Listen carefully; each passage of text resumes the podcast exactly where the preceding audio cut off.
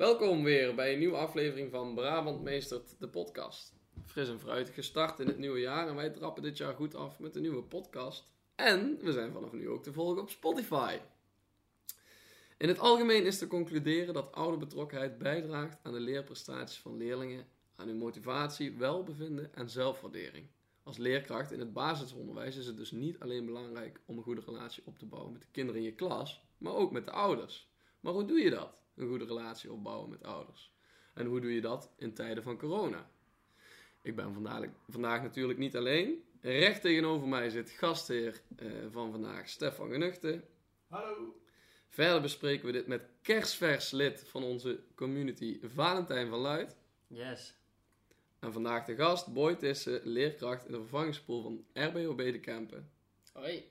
En blijf luisteren, want onze gast die zorgt vandaag voor de anekdote van de dag. Vandaag bespreken we dus het belang van goed contact tussen leerkracht en ouders. Op de PABO leren we alle ins en outs van de ontwikkeling van kinderen, maar leren we ook hoe we dit op een goede manier kunnen communiceren. Eerste stelling: het contact met ouders is iets wat je op de opleiding leert. Jongens, Ik denk dat het meeste leert gewoon door je leven heen. Dus ja, het, het zijn gewoon ook mensen, het zijn gewoon volwassenen. En je, je, kunt gewoon, of je, je hebt iemand die sociaal is en goed met mensen om kan gaan, die dat gewoon van nature al doet. En ik denk dat het belangrijkste is met, ja, met je oudercontact. Ik denk niet dat het echt de, de dingen zijn die je dan in de les leert, hoe je met ouders om moet gaan. Ik denk dat het meeste gewoon natuurlijk verloopt. En wat je ja, in jouw leven gewoon allemaal hebt meegemaakt. Dus wel, welk contact heb jij met eh, volwassenen? Dus bijvoorbeeld de ouders van vrienden van jou, hoe ga je daarmee om? Dat is redelijk hetzelfde als, ja, dat is ook een bepaald oudercontact. En ik denk dat je door die ervaringen het meeste leert in plaats van theorieën die je op school hebt. Mhm. Maar ik kan me voorstellen, die, die ouders van die vrienden van jou, die vinden jou gewoon een, eh, een, een chille gast. Waar je af en toe eh, op bezoek komt, een biertje of een kop koffie komt drinken. Maar die ouders van de kinderen in jouw klas, die, die hebben wel bepaalde verwachtingen van jou. Speelt dat nog een rol? Speelt dat nog mee? Ja, absoluut. Ja, je moet je wel anders gedragen. Je hebt een hele andere rol. Je hebt nou een hele professionele rol als leerkracht. En ja, het, het is wel anders. Maar ehm, de basis vind ik wel hetzelfde. Gewoon hoe ga je met ja, volwassenen om? Ik denk dat je, jouw, jouw eerste vraag van waar leren dat? Ik denk het meeste gewoon in de praktijk. Gewoon heel jouw leven lang. Welke contact heb je al gehad en wat heb je daar ja, mee gedaan? Welke... Wat zit er in je rugzak eigenlijk? Ja, exact. Neem je dan helemaal niks eh, uit de opleiding mee? Of eh, kunnen jullie misschien wel voorbeelden geven van wat je wel uit de opleiding meeneemt? eh, met betrekking tot contact met ouders? Ja, ja maar ik heb op de, op de PABO heb ik, volgens mij in het tweede leerjaar hebben wij een, eh, een les gehad over, eh, over moeilijke ouders. Dus over wat ga je doen als, eh, als een ouder boos binnen zou komen. Of, eh, Wat zou je dan doen? ja, toen hebben we, ik denk nog steeds dat dat echt verschilt per, eh, per persoon die, die tegenover je staat. Ehm, toen werd verteld eh, Wat dat zou jij dan doen? Wat ik zou doen? Ja. Ehm, als iemand echt boos zou zijn om een onredelijke, op een onredelijke manier, dan, dan zou ik. Ik heb het nog niet meegemaakt, maar ik denk dan toch wel dat ik ga proberen om die persoon even tot rust te laten komen en even zeggen dat ik het gesprek een andere keer wil gaan voeren. Eh, op een, no- normale wijze, gewoon op een manier eh, eh, waarbij we het allebei prettig vinden. Mhm. Ja. Dus eigenlijk gewoon op dat moment je grens aangeven Ja. en duidelijk aangeven van hé, hey, dit vind ik niet fijn. We kunnen gerust met elkaar erover praten, maar wel op een normale manier. Ja, ja. Ja. Ik denk ook wel dat dat belangrijk is om, om open te zijn, ook naar ouders toe. Eh, wat Valentijn net ook eh, aangaf, van ik denk dat het in de praktijk het meeste leert. Daar ben ik ook van mening. Ehm, maar ik denk ook, als je in het begin al open bent en zegt, ja, dit is bijvoorbeeld het eerste jaar dat ik werk. eh, dit is voor mij ook nog, nog nieuw en spannend. Dan hebben ze daar ook al begrip voor. En dan zullen ze ook niet, ehm, niet te veel van je verwachten.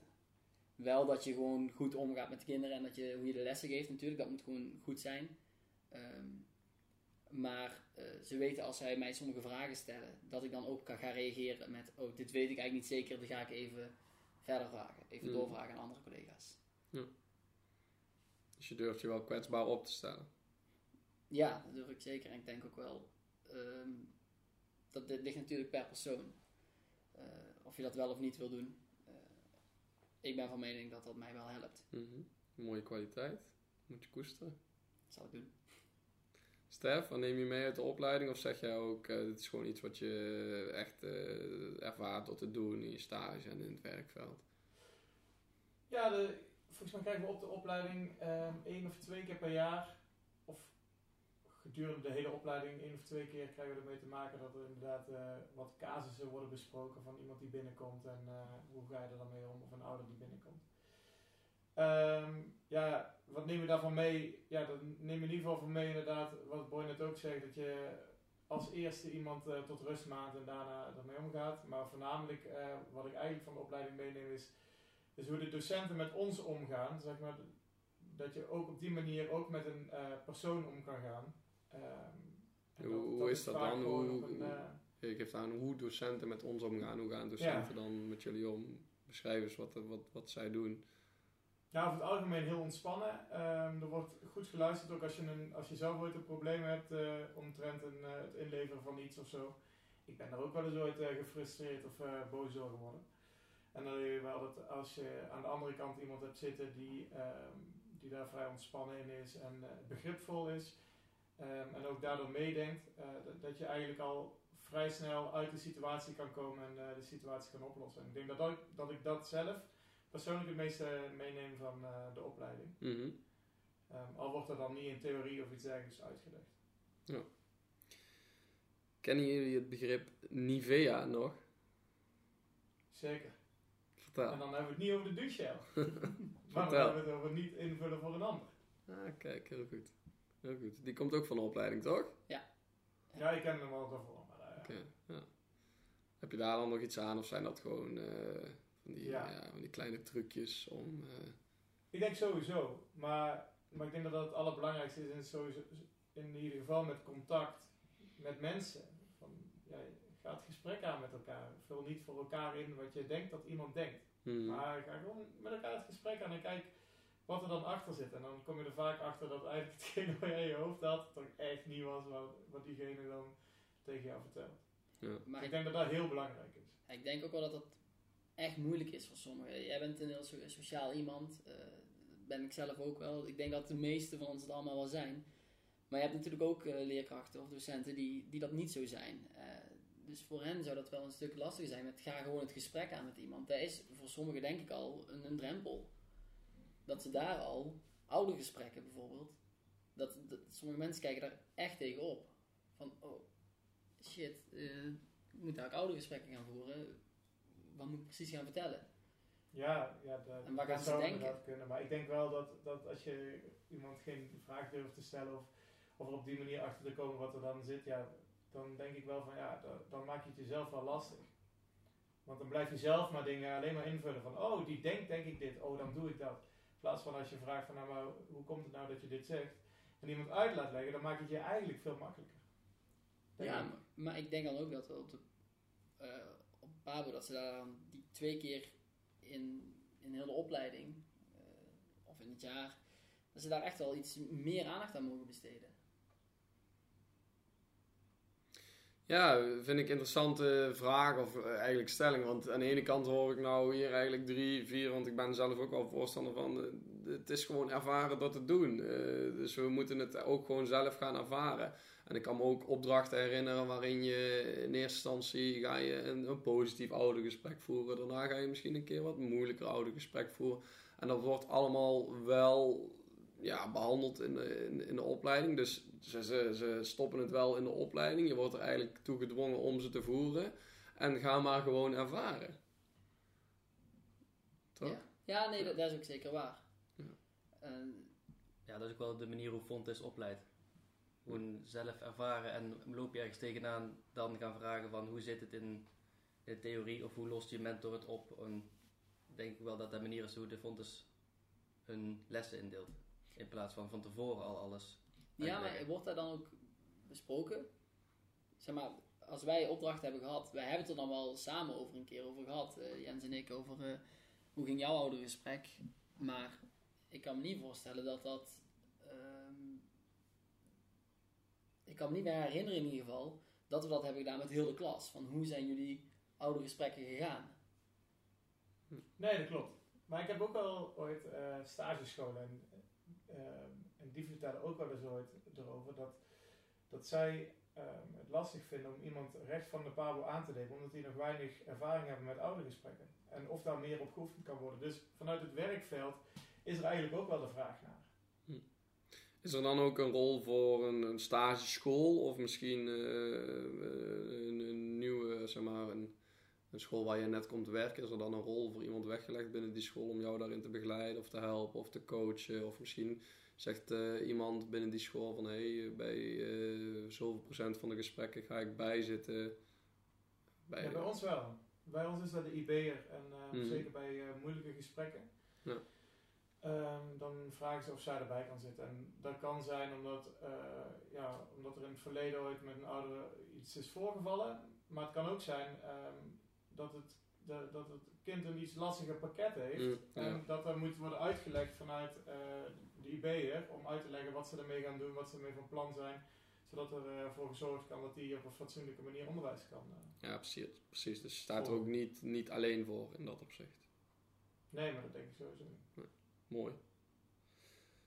Een gelijkwaardig partnerschap tussen ouders en leraar is het respecteren en accepteren van elkaar, waardoor samengewerkt kan worden wat betreft de didactische en pedagogische vragen, om er zo voor te zorgen dat de optimale omstandigheden voor de ontwikkeling en het leren van het kind ontstaan. Ehm, als je dan echt kijkt naar, de, naar het werkveld of naar je stage die je tot nu toe hebt gelopen, ehm, volgende stelling: is het initiatief aan de leerkracht of is het initiatief aan de ouder? Om, om er daar in in gesprek te gaan of om ze te ontmoeten, Bijvoorbeeld. eh, vind ik leerkracht. Ja, Aan het begin, aan het begin van het jaar, eh oudergesprek, eh, een, ontmoetingsgesprek. eh, elkaar leren kennen van hè, welke, welk- welke ouders zijn van het kind, eh, hoe zijn die ouders, ehm, wie ben ik of wie, wie ben jij als docent. Dat je daar al in het begin van het jaar al een, een beeld bij hebt. Dat je niet, eh, niet maar een, een verhaaltje typt naar de ouders toe en dan hopen dat ze het zo wel zullen begrijpen, maar dat je ook weet, ah, deze ouders ga ik benader ik zo, deze ouders benader ik zo. Eh, dat je daar al een beeld van hebt. Ik denk dat dat echt vanuit de leerkracht eh, wel belangrijk is om daarmee te starten. Goed beginnen is het halve werk. Zeker. Hoe kijken jullie daar tegenaan? Ja, ik ben het eens met Boy. Sowieso, het eerste contact, daar vind ik dat de leerkracht dat moet tonen richting de ouders.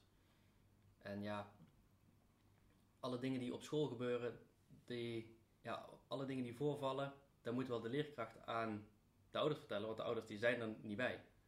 En ik vind wel, het is gewoon het kind is van de ouders. En ja, bepaalde, als er, als er dingen spelen, dan vind ik wel dat jij als leerkracht dat moet communiceren richting de ouders, zodat die ja, ook weten hoe het op school gaat. Want zo'n kind is gewoon hartstikke veel uren per week op school. En ja, ik vind het wel belangrijk dat je als leerkracht aan de ouders laat weten hoe het, hoe het gaat, hoe het is. Mm. En dan vinden de ouders ook altijd heel belangrijk om ja, zelf te weten hoe het met hun kind gaat. Ja, ik denk ook wel eh, dat het zeker belangrijk is. Maar het is eigenlijk ook vrij normaal. hè. Kijk, als je iemand voor de eerste keer ziet, dan eh, stel je netjes, stel, stel jezelf netjes ook voor. Ook netjes voor. Zo, dat komt wel lekker uit. Dan stel je jezelf ook netjes voor. Dus dat vind ik dat dat in het begin van het jaar ook belangrijk is. En dat je dan ehm, even met elkaar checkt eh, hoe het zit en eh, wat voor dingen er bij het kind spelen. Misschien wel bij hun thuis spelen. En zo kan je dan ook weer inspelen met het kind, op de klas, eh, met het kind in de klas. Gaat lekker. Ik denk dat dat het belangrijkste is. Dat je op die manier ja, het kind gewoon het beste onderwijs kan geven. Want dan kan je soms net iets, wat dingen laten vieren of net wat dingen net iets scherper aanpakken als je weet eh, wat er speelt. Ja. Ik ben het helemaal met jullie eens hoor, maar ik schrijf hem niet van niks op, want ik merk, wij zijn natuurlijk eh, leerkracht of leerkracht in opleiding, dus wij kijken ook vanuit het perspectief van een leerkracht. Maar ik kan me inmiddels ook na eh, toch een aantal jaar al voor de klas voorstellen dat er misschien ook dingen in een thuissituatie gebeuren waarin ik denk van, ja, misschien zie je het als leerkracht niet of, of valt het niet op, kan het kind het op school goed verbloemen. Dus ik kan me ook voorstellen dat in bepaalde situaties initiatief van de ouder ook echt wel nodig is en belangrijk is om ook toch weer het kind beter te leren begrijpen en hem beter uiteindelijk te kunnen helpen. Ja, maar dat ligt echt aan de situatie, denk ik. En eh, ook, ja, soms ehm, komt het kind ook wel eens met een verhaal thuis. Dat is bij mij overigens nooit voorgekomen, misschien bij jullie. Wat niet klopt. En dan krijg je dat teruggekoppeld en dan denk je van, hè, hoe- werkt dat? Maar dat- hoor ik in ieder geval in school, of op school hoor ik dat wel eens voorbij komen. Waarvan ik denk van, ja, dan is het wel belangrijk. Inderdaad, als je een verhaal hoort waarvan je denkt van, nou, klopt dit wel ja of nee? Of eh, hier wil ik even achterkomen. Dat je daar als ouder ook met eh, de docenten mee in, ge- in gesprek gaat. Ja, een interessante vraag. Hoe ga je daarmee om? Ja, Ja, ik kan het gewoon over het, het, het contact zelf. Ik vind eigenlijk de, de leerkracht die moet het initiatief nemen voor de dingen die op school gebeuren. Want daar is de leerkracht bij en de ouders niet. En spelen er dingen thuis, dan moet juist de ouder initiatief nemen richting de leerkracht, want daar is de leerkracht niet bij. Stel nou dat iemand is overleden of zo en een kind heeft daar last van, dan is het wel eigenlijk de taak aan de ouder dat die dat vertelt aan de leerkracht. In plaats dat ja, de leerkracht daar initiatief in zou moeten geven, want ja, die weet niet wat er thuis speelt. Dus, dus ja, dingen die op school gebeuren, daar zou de leerkracht initiatief voor moeten nemen. En dingen die thuis gebeuren, daar de ouders. En maar wat dan? Bijvoorbeeld iemand stoot zijn teen, daar ga ik dan niet door, eh dat ga ik niet, niet vertellen aan de ouders. Anders, ah, ja het wel, er komt wel eens voor dat er voor, dat soort dingen al gebeld ja, wordt. ja, maar, ja, maar daarom. Ja, daar ga ik dan... Kijk, n- nou helemaal. eh, Nou moet je... eh, je ga- kan niet naar het schoolplein gaan of, of ouders komen even binnen en je even vertelt... Hé, hey, eh, er is een teen gestoten trouwens. Jij zegt eigenlijk waar ligt de grens? Van, Ja. Als er echt iets gebeurd is, dan neem ik wel contact op met ouders. eh, maar ik ga niet voor ieder wisselwasje eh, bellen. nee. Oké, ja, terecht wat mij betreft. Maar. Je hebt, je hebt zoveel kinderen in de klas. Je hebt, je hebt zoveel andere dingen te doen. Eh, Nou ja, ik heb, ik heb wel een keer gehad eh, dat, een, eh, dat een, een leerling ehm, heel erg emotioneel aangedaan was omdat er opa in het ziekenhuis lag. En wij waren daarvan op de hoogte, maar bijvoorbeeld eh, de BSO, de buitenschoolse opvang, eh, niet. Dus die heb ik dat toen smiddags verteld. Die waren toen best wel boos ook dat het aan hun niet verteld was. Maar dus ik kan me ook wel heel erg voorstellen als je dingen niet weet zelf, ook als stel dit gebeurt andersom, dus dat de BSO wel op de hoogte zou zijn, maar de leerkracht niet. Ja, dan kan het denk ik wel heel erg lastig zijn om met de situatie om te gaan. Dus in, wat dat betreft is die communicatie van beide kanten gewoon heel belangrijk. ja, zeker. Ja, mooi. Eh 10 minuten gesprekken. Go of een no-go? Ja, ik vind het een beetje weinig, 10 minuten. Vertel, waarom? Eh, ja, ik, eh, ik heb er gewoon een aantal keer bij gezeten bij mijn verschillende stagescholen. Maar het gesprek is dan op dreef. En dan wordt het eigenlijk alweer afgekapt. Want dan staat de volgende alweer in de rij. Dus ik zou zeggen, ja, maak het gewoon een kwartier. Want dan kun je net iets meer zeggen. Want jij natuurlijk jouw zegje doen van hoe het, hoe het ervoor staat. En de ouders willen ook hun zegje doen. En daar, ja, ik, ik merk dat 10 minuten eigenlijk net iets te kort is.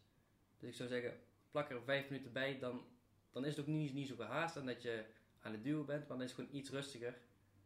En ik denk dat het voor allebei fijner is. Dus ik zou zeggen, ik ben wel voorstander van die gesprekjes. Maar maak het iets langer dan 10 minuten.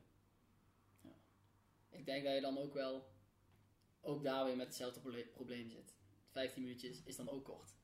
Ehm, ik, ik doe het 9 minuten. Ik zet een timer eh, voor 9 minuten. En als de timer gaat, dan weten ook de ouders... Oh, we hebben nog maar 1 minuut. Eh, dus dan, dan, dan weten ze ook, we gaan het langzaam af, eh, afronden. Ehm, vind ik heel fijn werken. En Mhm. ja, vertel ik Zo heeft iedereen dan denk ik ook zijn eigen ja, mening en kijk erop. En dat mag natuurlijk ook, maar... en ik denk ook dat dit iets genuanceerder ligt, omdat iedere situatie ook anders is. Ik denk dat jij ook gesprekken voert, Boy, eh, waar, eh, waar het wel eens over 9 en of 10 minuten heen gaat, Ja, zeg maar. zeker. eh. Ja, maar jij neemt dus voor het gros van de gesprekken 10 minuten de tijd. Nou, als wij eh 10 minuten gesprekken hebben, dan doe ik met ouders waarbij ik eigenlijk weinig te vertellen heb of waar het gewoon prima gaat, pak ik die 9 of 10, of ja, 10 minuten. Ehm, bij leerlingen die het, waarbij ik iets meer moet gaan vertellen, plan ik ze ook anders in. Dus dan pak ik daar een half uur voor of zo. Dus daar, ja, dat, dat verschilt gewoon echt. Maar als het gewoon allemaal lekker loopt en eh leerling doet het goed, gaat met plezier naar school, is aan het lachen, wat ik echt het belangrijkste vind, ehm, dan, ja, en ik, en ik heb geen reden om, het, om er een heel lang gesprek van te maken. Als ouders dat ook niet hebben, dan vind ik 10 minuten prima. Het is wel kort inderdaad, maar Ja, ik, ik heb nou zeg maar mijn eh Leo-stage, of tijdens mijn Leo-stage in december, eh, grotendeels van de oudergesprekken gevoerd. En ehm, waar ik stage loop, daar eh, voeren ze een gesprek van een half uur. En voor elk kind. Alleen sommige die duren gewoon niet zo lang. Het is groep 8, dus er is bij sommigen wat meer te bespreken. En ik vind het eigenlijk wel fijn, want je hebt daar dan wel echt alle tijd om dingen te bespreken.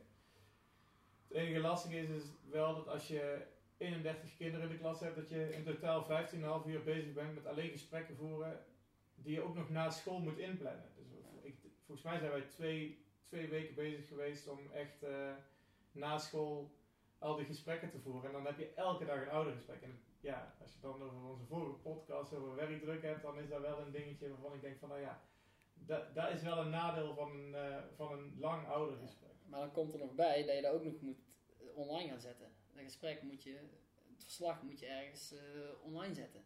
Dus daar zit ook nog tijd bij dan. Tenminste, dat, dat, dat moeten wij.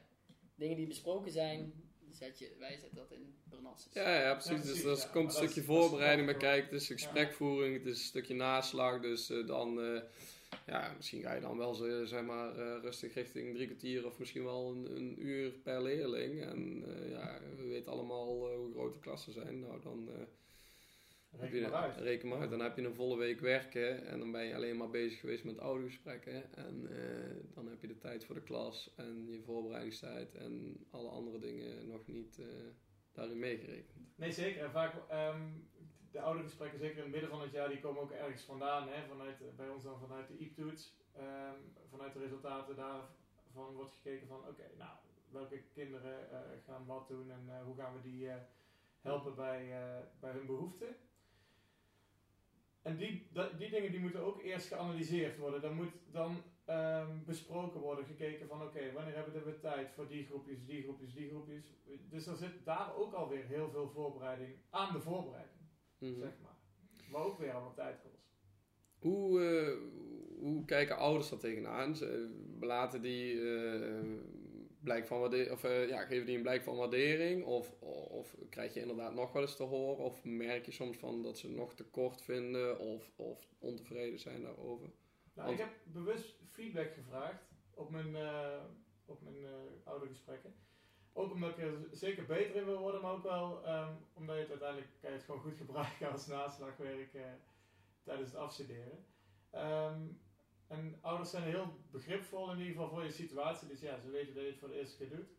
Ehm, maar ook, ook gewoon kritisch. Van, nou ja, we vonden eh, dat je iets te weinig van dit, eh, ik kan even geen concrete voor, voorbeelden Mm. geven. Of denk de vorige keer hier aan. Maar ze, zo zie je wel, in ieder geval zo zie ik heel erg, dat, je, dat ze wel echt eh, bereid zijn om te helpen. En dat ze ook zelf heel goed kunnen aangeven van wat ze echt verwachten. Dus een, een, wij gaan erin eh, voor- voorbereid, maar een, ouder verwacht ook iets van je. Dus wat dat betreft is het ook niet raar dat je je er goed op voorbereidt. En, eh, Ja, ik snap wat je bedoelt. En dat is super mooi, super fijn dat ze jou daarbij willen helpen. En nog, dat je jezelf iets verder kunt ontwikkelen. Maar als je nou eh, eens eh, vergelijkt, eh, een ouder van eh, bij, bij Boy uit de klas die dus 10 minuten gesprekken voert. En een ouder bij jou in de klas die 30 minuten de tijd krijgt om te praten over zijn kind.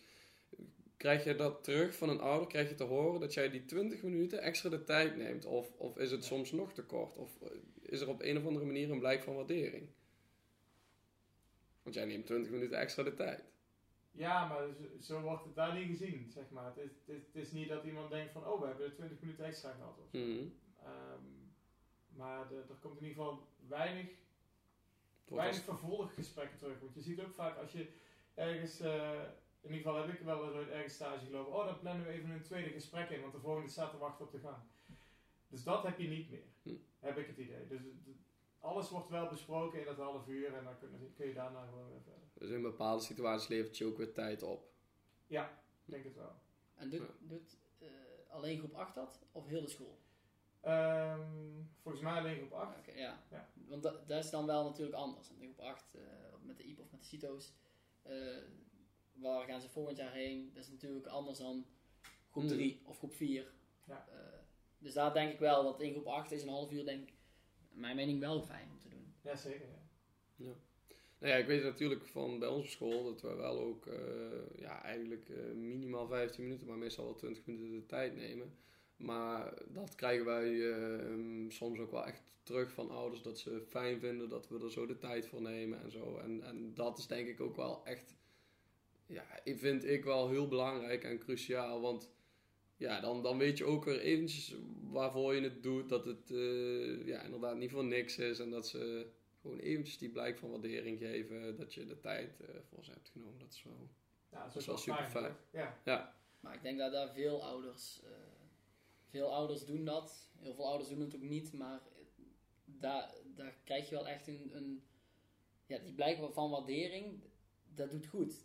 Hm. Dan voel je je ook gehoord. En, Ja. Ja, precies. maar schept Dat ook een ze- band, hè? Van, Ja, maar ook dat zij zien van, hé, hey, hij doet nou echt wel zijn best voor ons. Ja. En dat ze even aangeven van, ah, ik wil zien wel wat je doet. Precies. daar- Wij mannen vinden dat ook wel eens fijn. Ja, daarom. Ja, wij zijn niet zo kerel als we ze denken.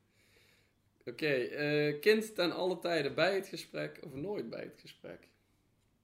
Meestal wel. Ik eh, denk dat het in bijna alle gevallen wel het beste is als het kind erbij is.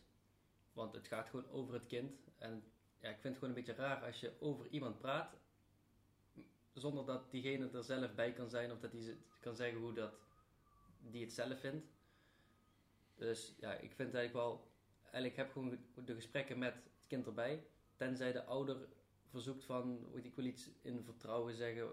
Alleen tegen jou of iets dat de ouder zelf een, verzoek heeft zonder het kind. Maar anders zou ik gewoon, standaard de norm van ja, met het kind. En ook, ook vooral voer dan het gesprek met het kind en dat de ouder erbij is. In plaats dat je met de ouder praat en dat het kind erbij is. Want die kinderen kunnen hartstikke veel zelf zeggen en vinden- vertellen wat ze zelf vinden. En dat is voor die ouder ook wel waardevol als het kind allemaal dingen zegt. In plaats van alleen de leerkracht en de ouder zelf. Ja, mooi. Dat is ook wel echt een evolutie, hè? Eh, in, in het, op het gebied van oudergesprekken. Want ik- ja, ik ben Ja. wat ouder en ik kan me heel goed herinneren. Ja, ik zat gewoon doodsbang op de bank als er eh, oudergesprekken waren. Zeg misschien ook iets over jou. Ja, dat ook. Maar, maar ik, ik wist, je wist niet waar, waar het over ging. En dat, dat kan wel ehm, lastig zijn. Nou, werd er altijd natuurlijk als, eh als papa en mam dan thuis kwamen. Mijn vader en moeder, voor degene boven de rivieren. Ehm, als mijn vader en moeder dan thuis kwamen, die, eh, die konden wel eh, gewoon goed vertellen wat er dan besproken was en dat soort dingen. Maar ik merk wel dat nu heb je dan ja, ouder-kindgesprekken. En het gaat volgens mij zelfs echt naar kindgesprekken. Dat ouder in, in de term er al eh, uitgehaald wordt. Zodat een kind er ook van bewust is van, oh ja, oh, ik ga op gesprek.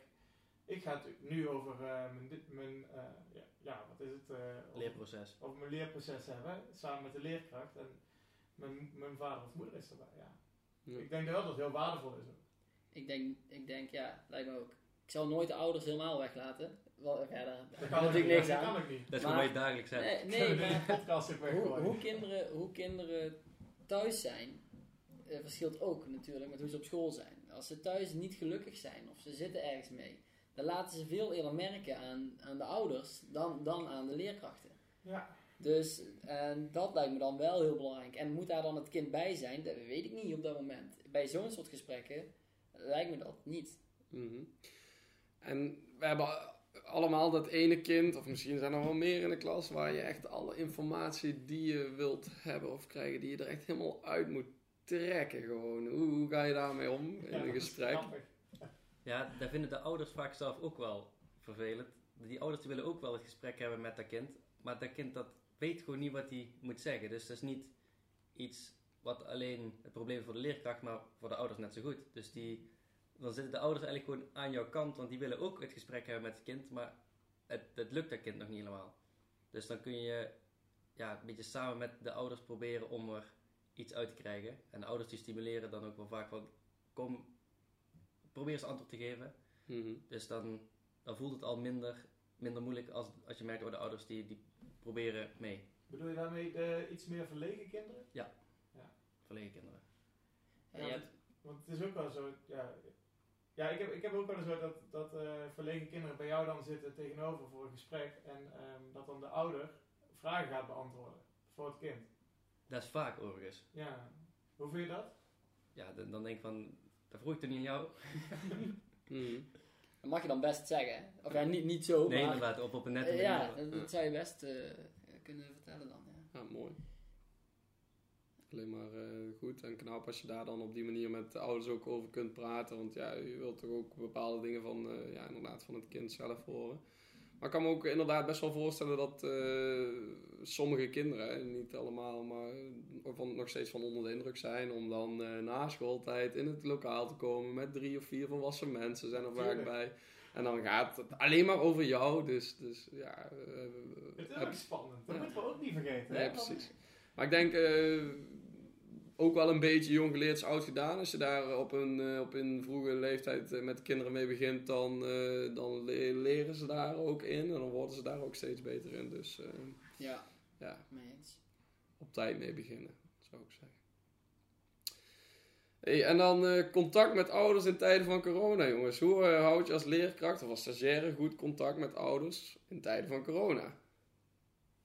Ja, wij hebben bij mij op school, eh, om de twee weken sturen wij een, eh, een berichtje naar alle ouders. Ehm, eh, wat we hebben geleerd. Wat, Een berichtje, een sms'je.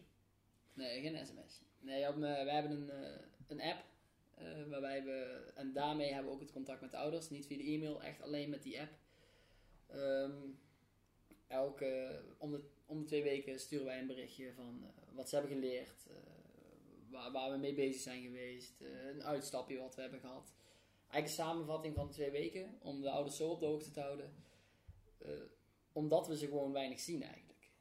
Eh, ouders kunnen niet in de klas zitten. Ik, maak foto's, die zet ik ook online van wat we aan het doen zijn.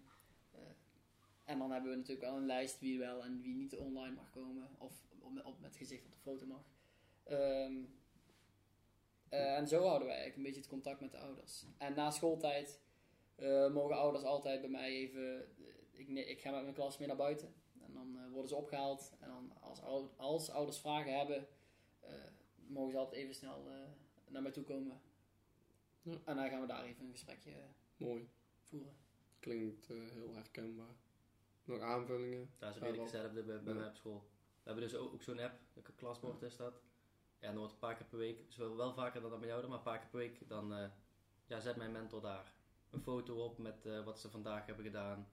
En eh, ja, daar kunnen ouders dan weer onder reageren. Hebt sommige ouders die doen het altijd en sommige ouders nooit. Maar ja, dat is best prima. Iedereen heeft daar zijn eigen, eigen doen en laten in.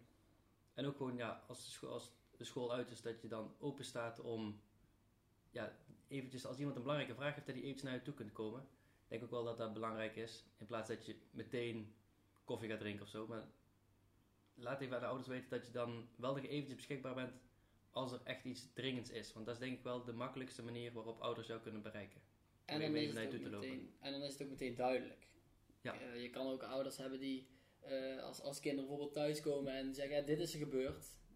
Eh, dat ze dan meteen een mail gaan opstellen en, waarbij ze boos zijn of verdrietig of iets in die richting. Terwijl als ze dan naar je toe komen en even vragen, hey, eh, gisteren kwam eh, die van mij thuis en eh, die zei dit. Ja, kan jij meteen uitleggen? Nou, het is niet helemaal zo gebeurd. Daar ben ik Of- veel minder tijd mee kwijt, denk ik. Ja, inderdaad. Mhm. Het is sneller Dan opgelost. komen we ook weer een stukje terug op het initiatief. Hè. Als er iets in de klas is gebeurd, dan heeft de leerkracht het initiatief om naar de ouder toe te gaan en er even over te praten. En eh, komen er thuis dingen te sprake, ja, dan neemt eh, de ouder natuurlijk weer eh, initiatief. Maar een kind kan ook dingen anders binnenkrijgen eh, dan, Ja, dat, ja, dan dat precies. jij verwacht. Dus stel, eh, je bent een keer, eh, ben een keer boos geworden omdat ze de Chromebooks niet hadden opgeruimd of zo. Ja, daar, daar is dan eigenlijk niks aan de hand. Maar als iemand daar thuis last van heeft, van ja, de meester was wel echt heel boos. is dan toch fijn om even, even te, als ze het even vertellen van, Ja. had hij wel een beetje last van. Dus dan, is het, dan geven jullie aan, het is fijner als je dan diegene of na schooltijd of de volgende dag voor schooltijd kort even spreekt daarover, face-to-face, als dat eh, mensen ehm, ja, mailen of bellen, want dan verloopt de communicatie toch net. ook, Iets je, anders. en je leest het ook, eh, je kan het heel anders lezen. Ja, dat vind ik sowieso met ge- geschreven berichten in het algemeen. Ook WhatsApp, ja, ja. Ook op WhatsApp, ja. Je moet er af en toe Je maar een smiley bij plakken, anders dan weet je niet wat ik bedoel. Ja, of, of door de smiley krijgt het bericht een hele andere wending. Ja. Dat je eerst denkt van, huh, is hij boos? Maar oh, gelukkig. gewoon een eh, positieve Ja. smiley. Dit was, dit was een leuk bedoeld. In Ja. plaats van... eh, Maar ja, stuur je dan smileys naar ouders? Eh, dat doe ik niet. nee, ja, ik ook niet. Daar heb ik nacht erbij. Ja? Spraakmemo's. Een spraakmemootje. Of Ja. tijdens het, tijdens het praten, als je ze gewoon face-to-face spreekt, eventjes lachen. Ja. En eh, dan hoor je vaak eh, dat we het toch lastig vinden of zo. Of dat het misschien eh, wat, wat, wat negatieve dingen met zich meebrengt. Hè? Hoe, het contact is minder, dat vinden we doorgaans niet zo fijn. Maar brengt het ook positieve dingen met zich mee? ja. Ik zit wel ook meteen aan Ik- één ding te denken, maar is jullie? Ja, vertel, ja. Ja, ik, ik denk bijvoorbeeld, ik vind het echt, echt nu zie je bijvoorbeeld dat kinderen zelfstandig naar binnen kunnen komen. Hè? Ook al zijn ze pas vier of vijf jaar. Ze kunnen gewoon echt wel makkelijk zelf die school in. En dat niet al die ouders daar opeen gepakt hoeven te komen staan. Omdat ze denken dat dat kind niet zelf naar binnen kan. Of, of zijn jas niet zelf uit kan doen of zo. Een beetje zelfstandigheid stimuleren op eh, jonge leeftijd. Ik, ja, ik hou er wel van. ja. Ja, dat is- Helemaal mee eens. Ik denk, ik, ik, ik denk dat het sowieso iets heel erg belangrijk is. Zelfstandigheid stimuleren. Maar ja, hè, daar, daar gaan, we wel van, gaan we wel een klein beetje off topic. Maar ja, ik Kunnen we een podcast aan wijden. Zo, misschien is dat wel een goeie. Maar ik merk sowieso dat we als mens heel erg ehm, geneigd zijn om te helpen. Ehm, en vooral als je denkt van, oh, iemand kan het niet. Bijvoorbeeld bij mijn oma de- houdt iedereen de deur open voor haar. Nou ja, die is 92, in ieder geval eh, begin 90. Maar als ik met oma meega, dan pak ik gewoon de sleutels af. En dan doet ze zelf de deur open, loopt ze zelf de deur uit. En dan kijken ze mij aan, hoe zou die deur nou hier even open? En dan zeg ik ook gewoon, ja, dat kunnen ze gewoon zelf. En dan vinden ze het nog fijn om zelf te doen ook. Want anders heb je, dat is met kinderen natuurlijk ook. ehm, anders dan neem je iets van ze weg wat ze makkelijk zelf kunnen. Dan kunnen ze daarin ook weer niet groeien. Maar goed. Ja. Ik denk dat het daarin ook wel gewoon belangrijk is dat je ook weer duidelijk communiceert met elkaar, verwachtingen naar elkaar uitspreekt. Kijk, die ouders die mogen echt nog wel een dag, twee dagen, misschien zelfs wel drie dagen in de week eh, met die kinderen mee naar binnen. Maar probeer ze ook een beetje, ja, eh, te- die zelfstandigheid te, te, te laten ontwikkelen, inderdaad. En ik denk dat dat wel eh, ons inzicht heeft gegeven nou, de afgelopen tijd. Ja. Maar ook niet alleen voor de jongste kinderen. Ook, ook de oudere kinderen die, die al wel zelfstandig naar school komen. Ouders komen niet meer zo snel in de klas om even iets kleins te vragen. Wat dan ook weer tijd gaat kosten. Maar ze, ze gaan er even iets langer over nadenken. Hm. Eh, en dan gaan ze pas naar je toe aan, aan het einde van de schooldag. Of je krijgt dan een, een mailtje. Ehm, nou, dat scheelt denk ik ook wel tijd.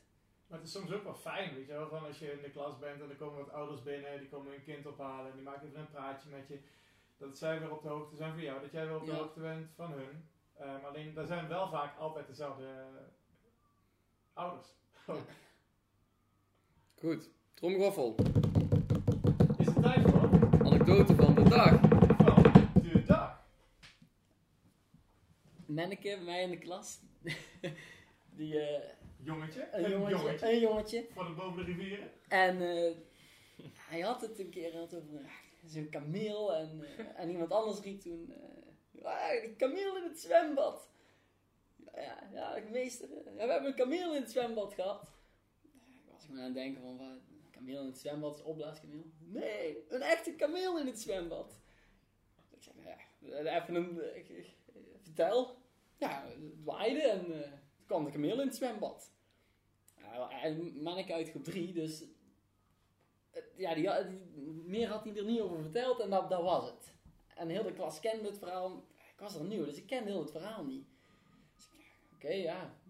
Dus ik toch maar een keer gaan opzoeken, kameel in het zwembad. Bleek,